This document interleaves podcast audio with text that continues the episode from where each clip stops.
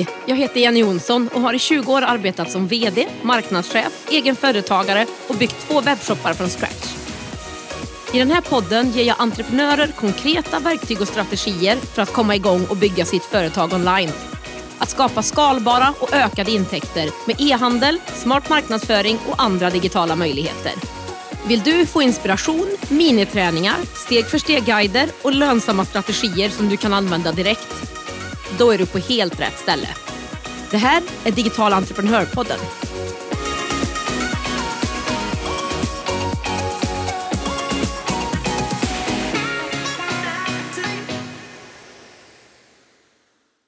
Jag är så glad att just du är här och lyssnar på andra avsnittet av den här podden. Den här gången kommer jag ha med mig en gäst och det är något som jag kommer att ha nu vartannat avsnitt framåt. Och det har jag för att jag vill att du ska inspireras och lära av dem som har vågat ta det digitala steget och som ligger ett, eller kanske i det här fallet, ett par steg framför dig. Och dagens gäst är en person som jag vet kommer att inspirera dig oavsett om du vill starta din första e-handel eller om du har varit igång ett tag. Pauline Grindvall är ägare och grundare av e-handeln myperfectday.se som säljer dekorationer och detaljer för fest, kalas och bröllop. Företaget startades i hennes sovrum för sju år sedan och har nu växt till Sveriges största butik inom sin nisch med en omsättning på över 20 miljoner. Målet? Att bli störst i Norden. Hej och välkommen till Digital entreprenörpodden Pauline. Hej, tack snälla. Det är så kul att ha dig här som gäst. Jag har sett fram emot det här jättemycket kan jag säga. Ja. ja, vad kul. Jag med. Det ska bli jätteroligt. Ja, vad kul. Jag, tänker, jag har ju gett dem som lyssnar ett litet intro innan jag pratade med dig, men jag tycker ändå att vi börjar med att få veta lite mer om dig. Så för de som inte vet vem Pauline eller My Perfect Day är, så berätta gärna. Mm, precis. Ja, men jag heter Pauline Grindvall och eh, jag bor eh, Hammarö Karlstad kan man säga. Bor på Hammarö men har eh, företaget i Karlstad på Gräsdalen.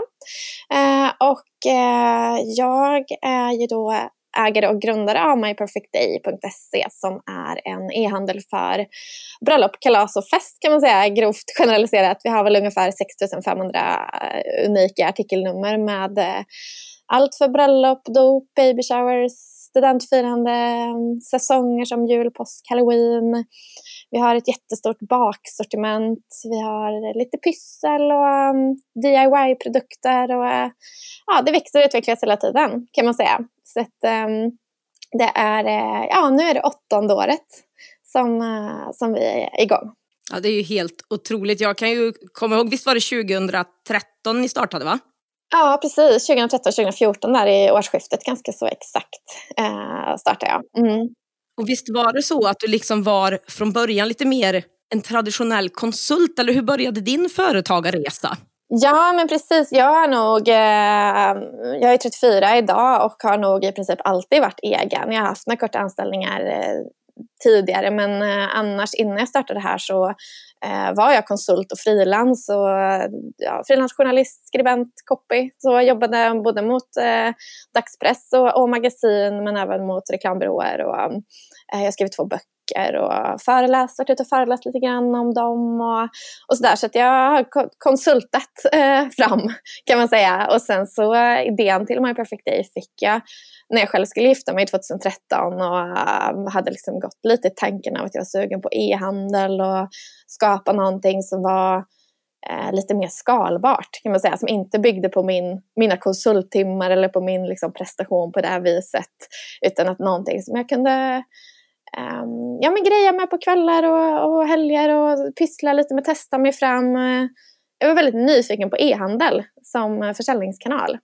Ehm, och så eh, liksom, följde det sig så att jag såg det här hålet på marknaden då, i samband med att jag själv skulle gifta mig och inte hittade de produkterna som jag, jag själv letade efter och förstod att det var nog fler än jag som hade den, eh, det behovet. Så när du säger att du såg det hålet, då var det att då hittade du inte de produkterna, för det var lite för mycket traditionella produkter eller Ja, precis. Det var, fanns inte så mycket av den här, just när det gäller bröllopsdekorationer då, tillbehör till bröllop och då är det liksom efter ja, men vimplar och gästböcker och placeringskort och det var väldigt um, ja, men traditionellt, begränsat tråkigt sortiment. Det var en vit gästbok med någon eh, kna, ja, knappt något, någon text på och det var kanske röda rosenblad och plastdiamanter och ganska så eh, tacky stil om man får använda sig av det. Och jag tror att det här var i samma veva som Instagram och Pinterest och de typerna av så sociala flöden tog fart och då fick man helt andra influenser. Att man såg att så här, oj, det finns faktiskt någonting annat. Man såg att det fanns eh, andra typer av produkter och mm, ja, man fick syn på ett annat typ av sortiment som kanske fanns mer i um, butiker som inte fanns i Sverige eller skickade till Sverige. Eh, så därifrån så såg jag väl liksom den möjligheten då att det här, eh, det här kommer nog fler vara intresserade av allt eftersom till exempel Instagram och Pinterest växer. Då. Mm. Eh, men jag förstår, det är ju en fantastisk affärsidé tycker jag. Men jag tycker också att namnet är klockrent verkligen. Kommer du ihåg hur du kom på My Perfect Day? Nej, alltså jag har faktiskt tänkt på det. Jag, tror, jag kommer inte ihåg exakt när. Jag kommer ihåg när jag sa det högt första gången. För då satt jag i en, en bil med eh, kompisar och pratade om affärsidén och så sa jag namnet högt. Jag vet att jag skämdes lite när jag sa det högt. För att det tycker så ibland när man säger ett ett namn eller ett bolagsnamn eller något sånt där första gången så låter det lite töntigt. Uh, och jag, jag kommer ihåg att jag tyckte att det var lite så här uh, My Perfect Day.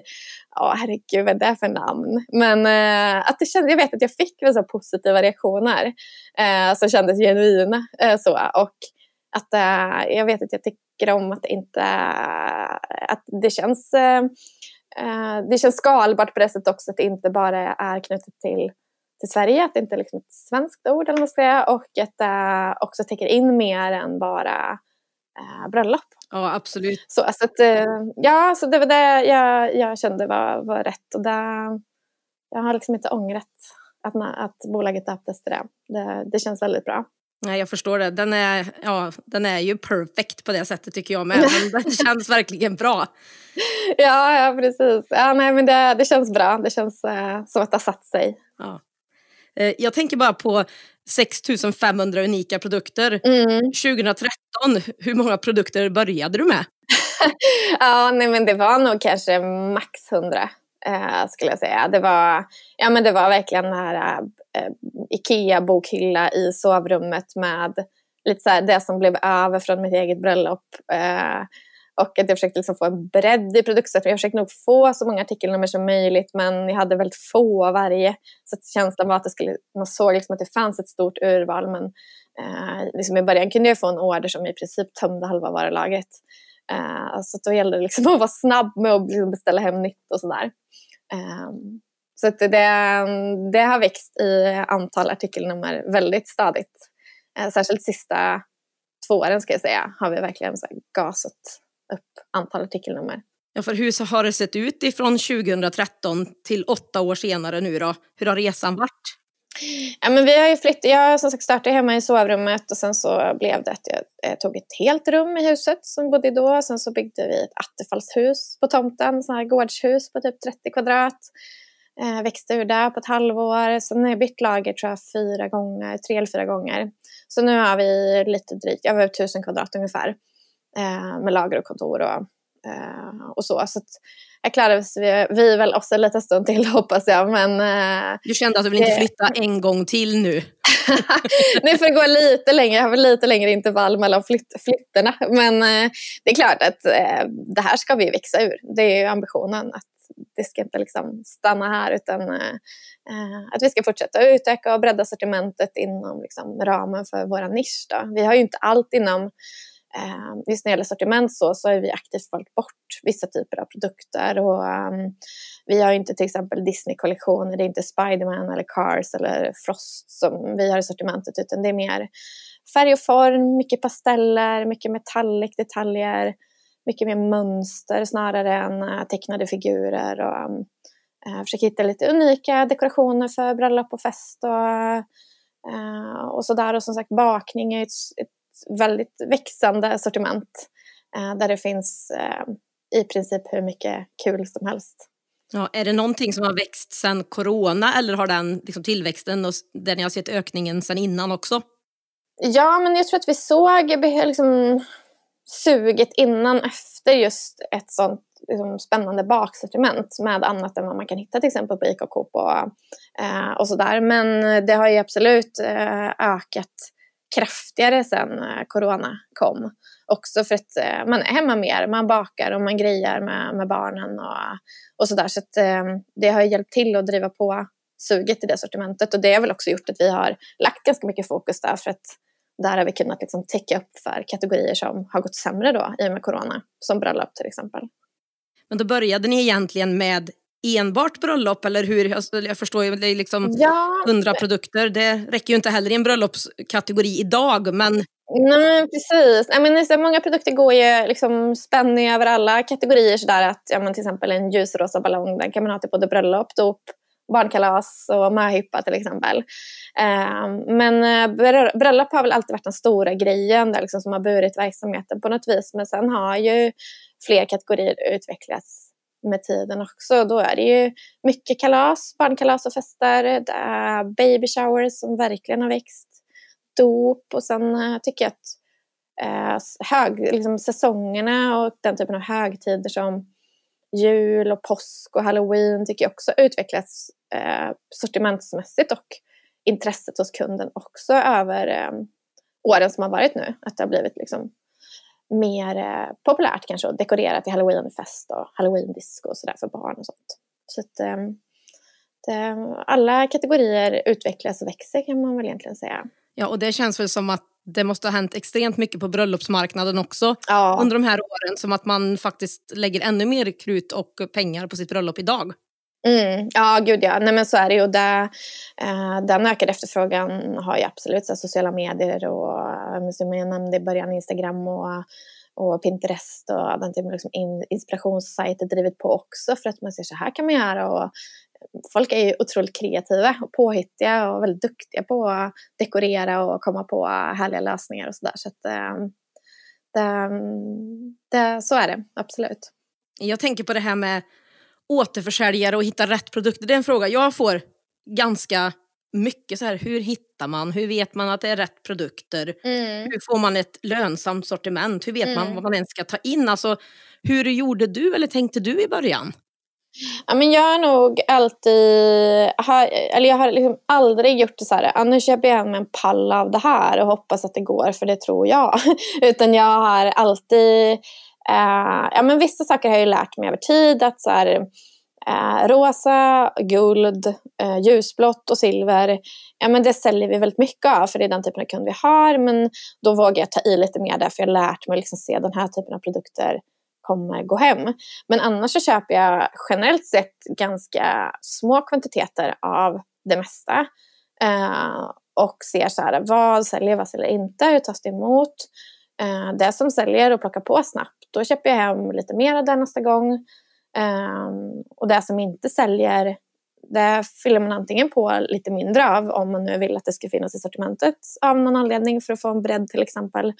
Eller så, så fyller jag på, eller låter, då låter jag det kanske sälja, sälja slut. Eh, och sen tar jag inte hem det igen för att jag märker att det här fanns det inte så stort intresse för.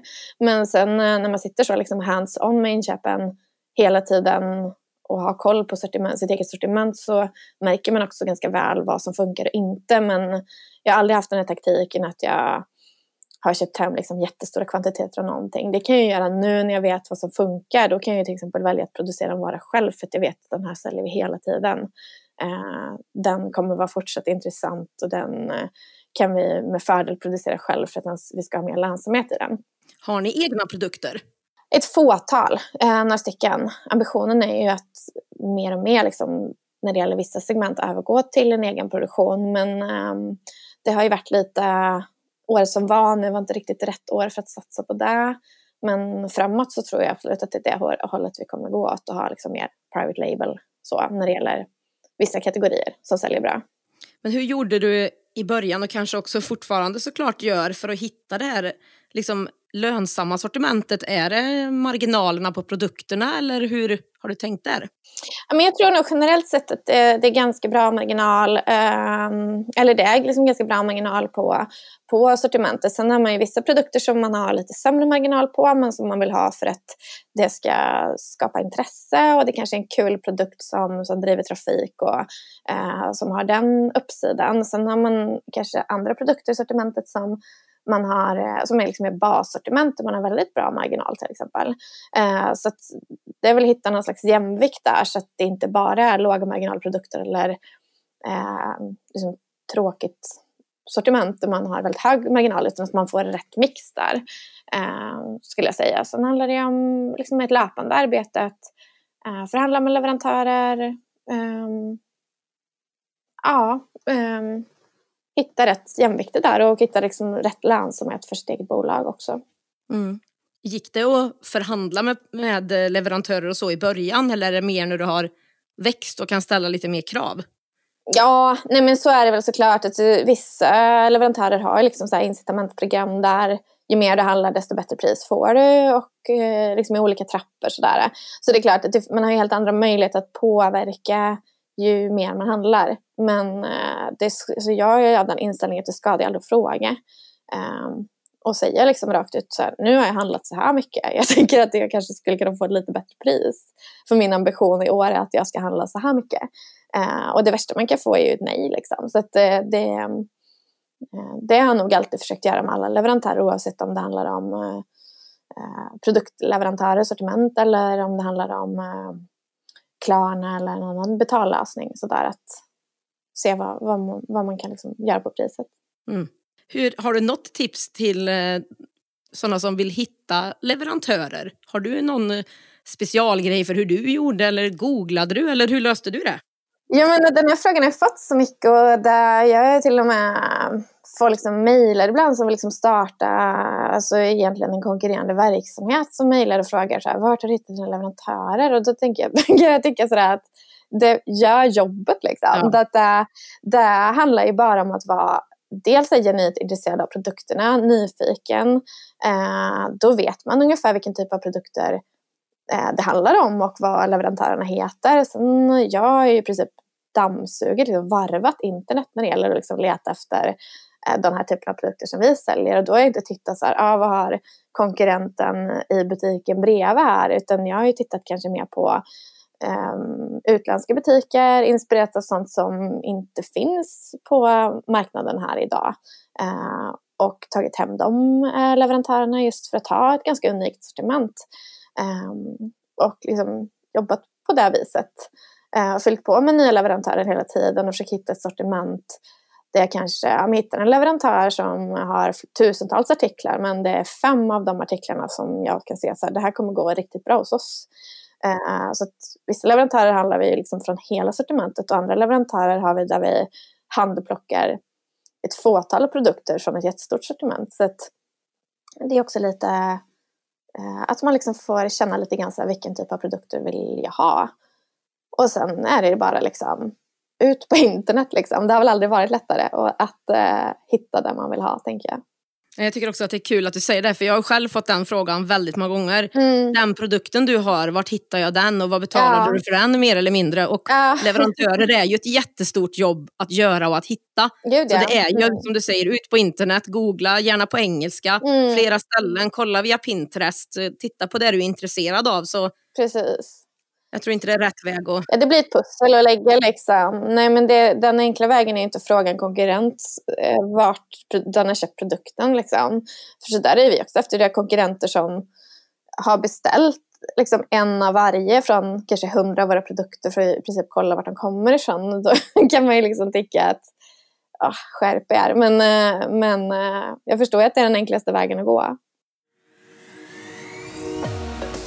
Digital entreprenörpodden görs i samarbete med Ebbecart, en av Sveriges största e-handelsplattformar. Ebbecart vill ge alla möjlighet att starta och driva en grym webbshop och är den plattform jag själv använder och rekommenderar för dig som vill starta din e-handelsresa. På ebbecart.se kan du testa, bygga och till och med börja sälja i din e-handel under 30 dagar innan det kostar en enda krona. Kom igång direkt på ebbecart.se.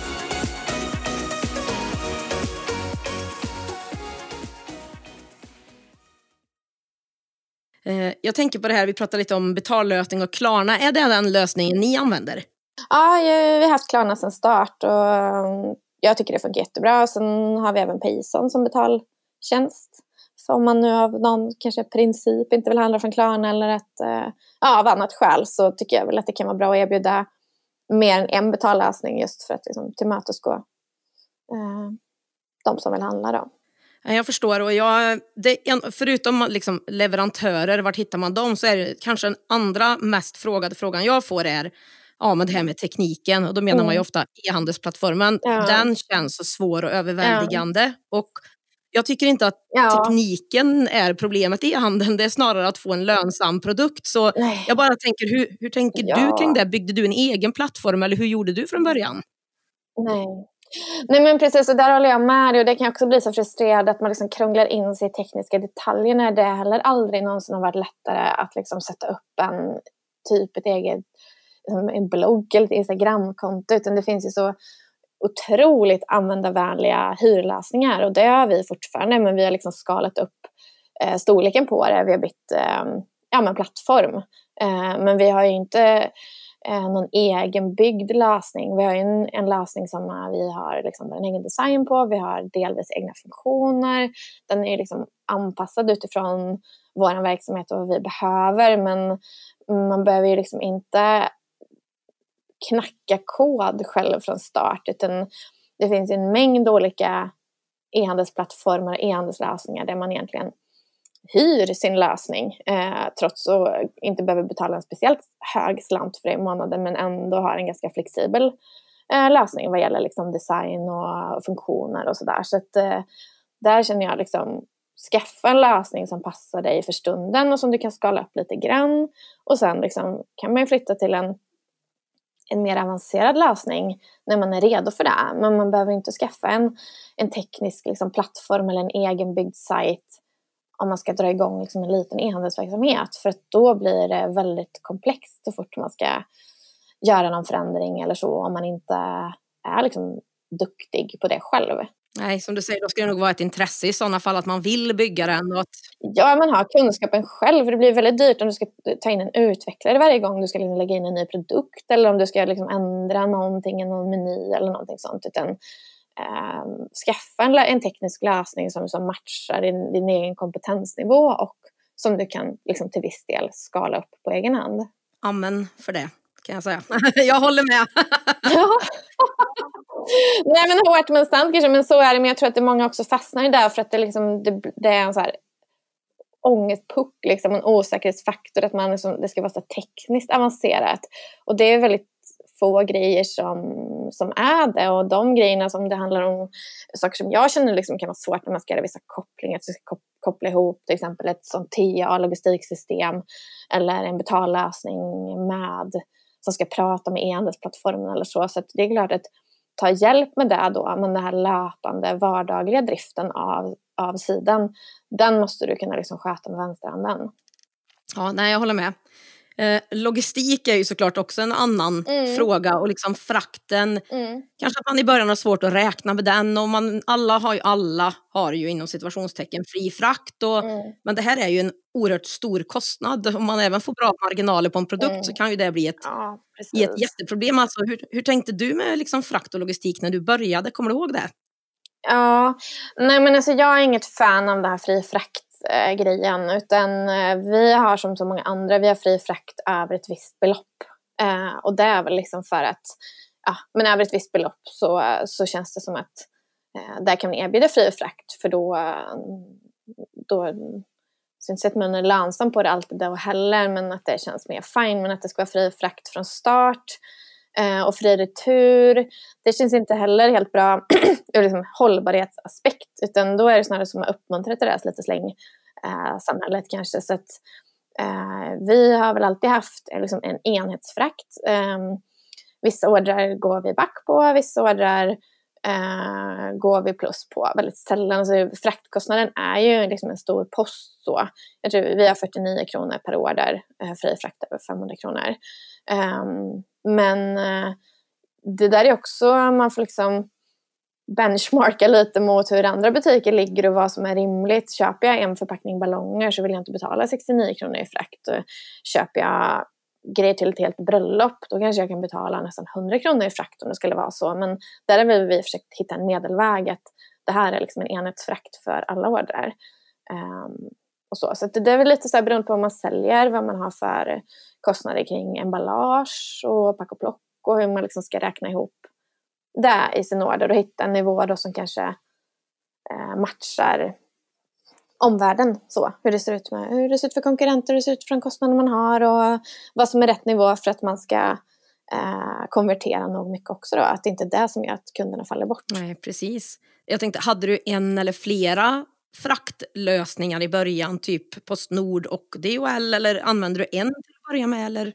Uh, jag har haft lite till och från. Postnord har jag haft som leverantör sedan start. Uh, uh, använder lite olika tjänster för dem beroende på vad det är vi skickar, hur stort och skrymmande eller uh, vilken varuvärde och så, vilken typ av produkt det är.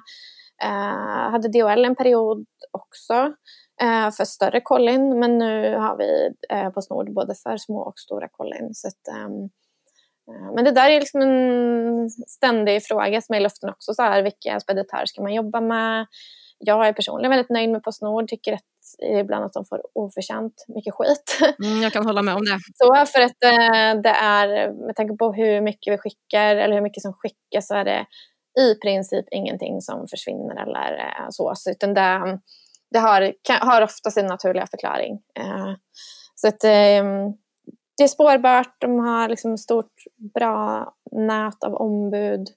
Um, funkar väldigt smidigt tycker jag. Men uh, jag tror inte heller att det skadar att ha flera fraktlösningar och uh, liksom försöka vara uh, kundnära där, att erbjuda fraktlösningar beroende på vad man säljer och hur kunden vill ha produkten levererad. Liksom. Eh, vissa produkter lämpar sig ju kanske att få hem till dörren medan andra kan du lika gärna hämta när du är nere och handlar på ICA. Så det är väl lite beroende på vad man säljer och hur man vill ha det levererat helt enkelt. Jag tänker, skickar du bara i Sverige än så länge eller skickar ni till olika länder? Mm, eh, vi skickar 99 procent i Sverige än så länge. Eh, vi, det går att klicka sig ut genom kassan om man bor i Finland och Danmark men eh, eh det är ingenting som vi marknadsför hårt så. Utan, men ambitionen är ju eh, hela Norden är det. Så att, eh, det, det, är en tidsfråga. Så, men eh, det här året som har varit nu, pandemiåret, har väl varit lite av ett sånt eh, eh mellanår där man eh, väl kanske inte har kunnat vara för offensiv med just den typen av satsningar tyvärr. Nej, det, det, förstår jag ju. Det är ju inte året där man eh, kör Norden-expansionen direkt kanske.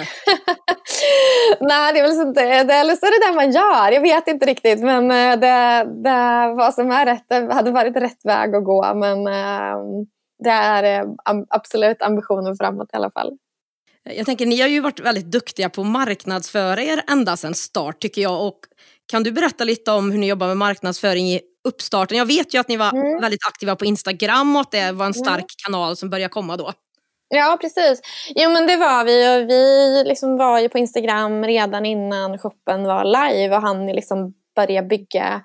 Vi har alltid byggt vårt, eh, alla våra sociala flöden egentligen och främst om vi kan prata om Instagram då så är liksom det vår absolut starkaste kanal för att det är ju i princip som att våra produkter är, ja de är ju som gjorda för Instagram. Det är ju tacksamma produkter att marknadsföra. Det är, det är tårtor och ballonger och dukningar och, och liksom sånt som är härligt att vila ögat på. Och där eh, jobbade vi väldigt mycket med inspiration på Instagram till en början.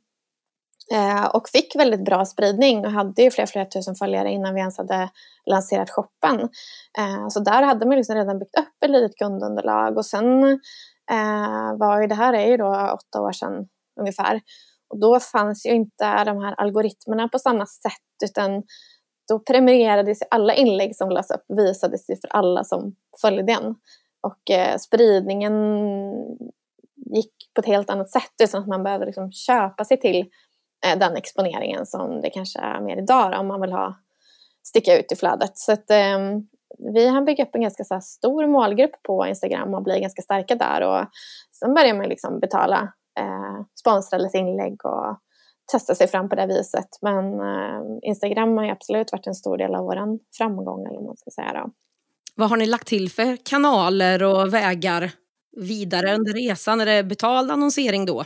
Ja, jo men det är det. Vi har ju dels våra så organiska flöden och liksom content som vi fyller där. Sen så, eh, så annonserar vi på, på alla liksom sociala plattformar eh, egentligen och och även Google då. Alla deras produkter som Google Shopping och Google Ads och, ehm, och så. Så att eh, vi försöker ha liksom en, en bredd där och olika kampanjer riktat beroende på sökord och tidigare historik och sådär också.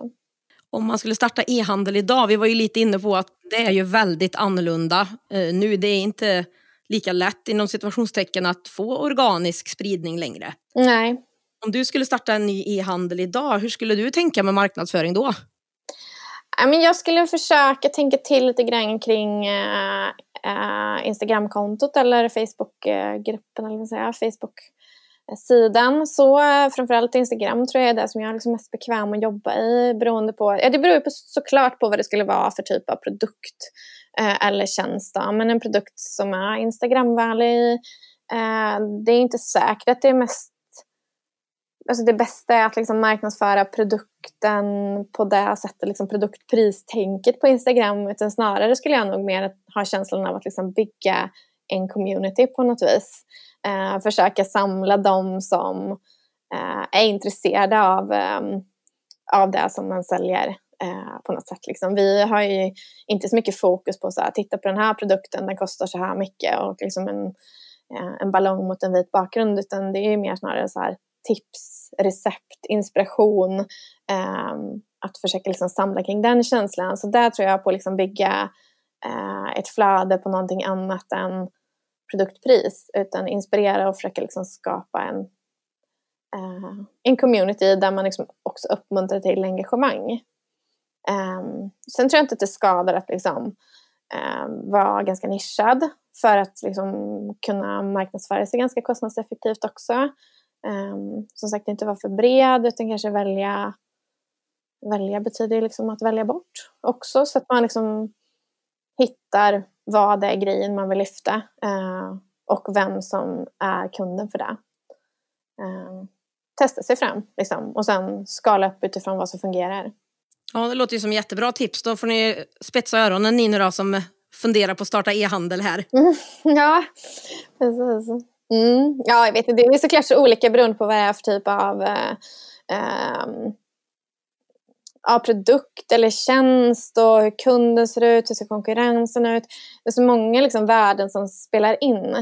Eh, men eh, jag tror också så här, i och med att konkurrensen ökar också kring samma typer av produkter, att det finns så många som erbjuder samma typer av produkter, så tror jag att man måste anspela på andra värden än bara eh, produkten och dess egenskaper och vad den kostar. Utan snarare liksom jobba med varumärket och storyn kring det och känslan kring det tror jag är så mycket viktigare. Ja, det blir nog väldigt svårt att uh, ha ett brett sortiment som ny och försöka konkurrera på pris. Uh, då blir man inte riktigt lönsam tror jag, utan Nej, måste precis. man försöka som du säger nischa sig och inte tänka på att det bara är en rolig produkt som jag vill sälja ett litet tag, utan verkligen försöka tänka det här med lönsamhet direkt för att kunna finnas kvar. Precis.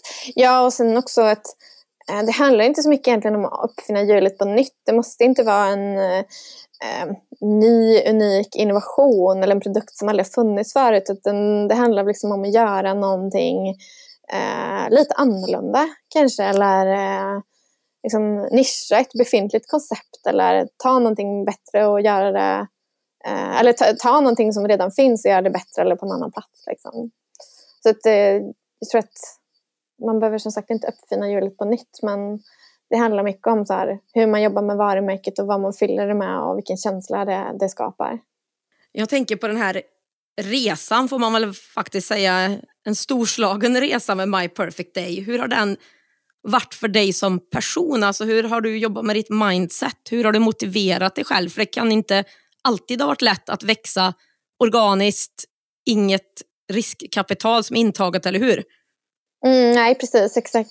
Nej, men precis. Jag har ju växt från start, från den där hyllan till där vi är nu idag, liksom helt med eh, ja, inget externt kapital och, och ingen, inga finansiärer eller ägare eller så, liksom tillskott på det viset. Utan vi har ju låtit sortimentet växa sig själv och det är klart det finns en utmaning i det för att du behöver ibland eh, Ibland är det svettigt, ibland är det, behöver man liksom vara väldigt så här bootstrappad och kostnadsmedveten och, och ibland liksom behöver man också satsa sig till den fortsatta tillväxten. För vi har ju haft tillväxt varje år och har varit lönsamma varje år som start också. Det, det är en utmaning att hitta den balansen i att liksom driva tillväxt samtidigt som man ska vara lönsam. Sen tror jag att det är just det, apropå mindset då, att det är det arbetet som har sporrat mig också att, att göra det. Eh, att jag går upp på morgonen och går till jobbet Eh, fortfarande fastän det inte liksom bygger på att jag är här klockan 7.30 och liksom börjar packa ordrar för att det ska funka. Utan nu är vi så pass många som jobbar med det men jag tycker att det är precis uh, lika inspirerande att gå upp på morgonen ändå eh, och liksom jobba vidare ehm, med konceptet. För jag tycker nog att det jag drivs av att eh, paketera erbjudandet, bygga varumärket, fylla det med liksom, massa härliga saker som gör att människor tycker att det är kul att handla av oss. Um, och när man liksom då får ett kvitto på att det fungerar så då vill man fortsätta utveckla det så mycket det bara går. Och det tror jag det är liksom det som är min drivkraft. Vad har du för tips till de som ska starta e-handel nu? Ja, vi pratar ju lite grann om nischa sig och kring marknadsföringen. Har du något, annan, något, något annat tips till dem? Ja, men det är nog lite grann det här som vi var inne på också, att inte, inte komplicera hela affärs...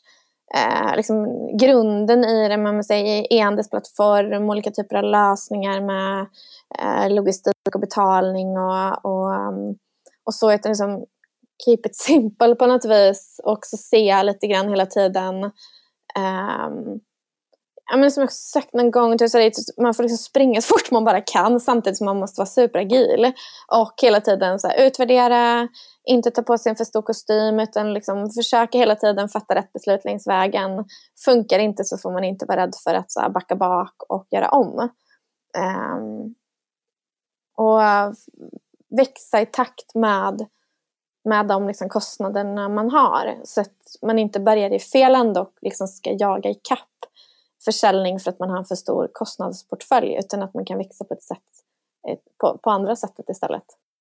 Jag tänker som avslut på den här grymma stunden med dig så undrar jag lite grann hur tänker du framåt med My Perfect Day? Vad är era mål och hur, hur har omsättning och sånt sett ut innan? Jag har ju läst någonstans runt att det har varit runt 20 miljoner men eh, berätta lite grann hur, du, hur det har sett ut och hur du tänker framåt. Ja, nej, precis. Nej, men vi har ju växt stadigt sen ja, men den där första året i eh, sovrumsbokhyllan så omsatte vi en miljon. Sen har vi växt från en till 3, 6, 9, 15 och 21. Eh, sen har eh, vi väl lite hack i kurvan förra året. Då hade vi tappade typ 5 miljoner i omsättning ungefär kopplat till corona då och att ingen gifte sig och ingen arrangerade några studentfiranden eller några större festligheter överhuvudtaget. Men eh, det är ju ambitionen att det liksom är ackumulerat i året som kommer här nu så att vi hoppas att vi liksom ska fortsätta den här eh, resan framåt, uppåt, omsättningsmässigt. Så att, eh, vår plan är ju lite som jag pratat om, eh, övriga nordiska länderna, eh, ta fram eh, egna produkter, fortsätta utveckla sortimentet inom liksom ramen för vår nisch med Eh, Eh, med det sortimentet vi har men fortsätta utveckla antal, liksom hela linjen med nya artikelnummer och så. Eh, så att ehm, vi ser egentligen varje enskilt ben som en egen shop nästan. Att bakning är liksom ett sortiment som lever för sig och eh, bröllop är liksom ett sortiment som utvecklas för sig och, och sådär. Även om de går i varandra och finns på samma sida så, så ehm, går man in och handlar till ett bröllop till exempel är man inte superintresserad av att kanske köpa pysselprodukter utan då är det ett inspirerande sortiment som finns på ett annat ställe i shoppen som, som man eh, går in och kikar på om man är intresserad av det. Så att, eh, eh, ja, sortiments och produktutveckling och, och eh, full fart framåt nu efter det här året som var. Det är väl ambitionen. Och det låter ju perfekt tycker jag. Det känns som man behöver full fart framåt efter det här året och komma vidare. ja.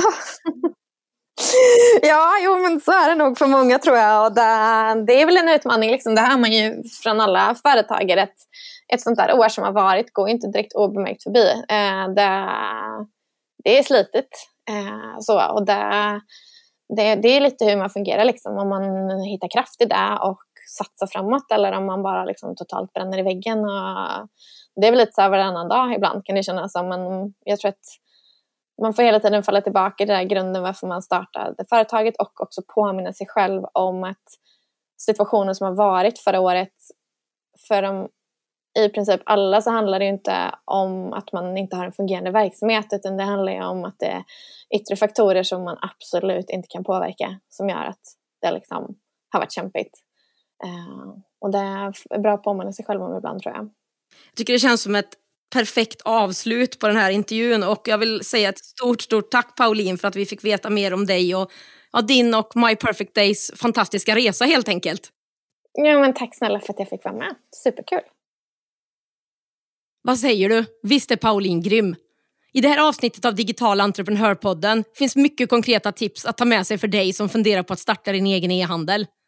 Och My Perfect Day hittar du såklart på myperfectday.se. Jag rekommenderar dig att gå in och ta en titt. Paulins bästa tips, en sammanfattning av det vi har pratat om idag och länk till min samarbetspartner e-handelsplattformen Abbeycart hittar du på digitalentreprenör.se podd. Där finns också länk till mina sociala medier där vi kan ses och du kan ställa frågor till mig mellan poddavsnitten. I nästa avsnitt kommer jag att prata om det som många nya e-handlare fastnar på, nämligen tekniken. Ett ord som låter så mycket bredare och större än vad det egentligen är. Jag kommer att ta upp olika typer av e-handelsplattformar och vad som skiljer dem åt men även ge dig konkreta tips på hur du kan tänka när du är i uppstarten av din e-handel kring just teknik. Vi hörs då!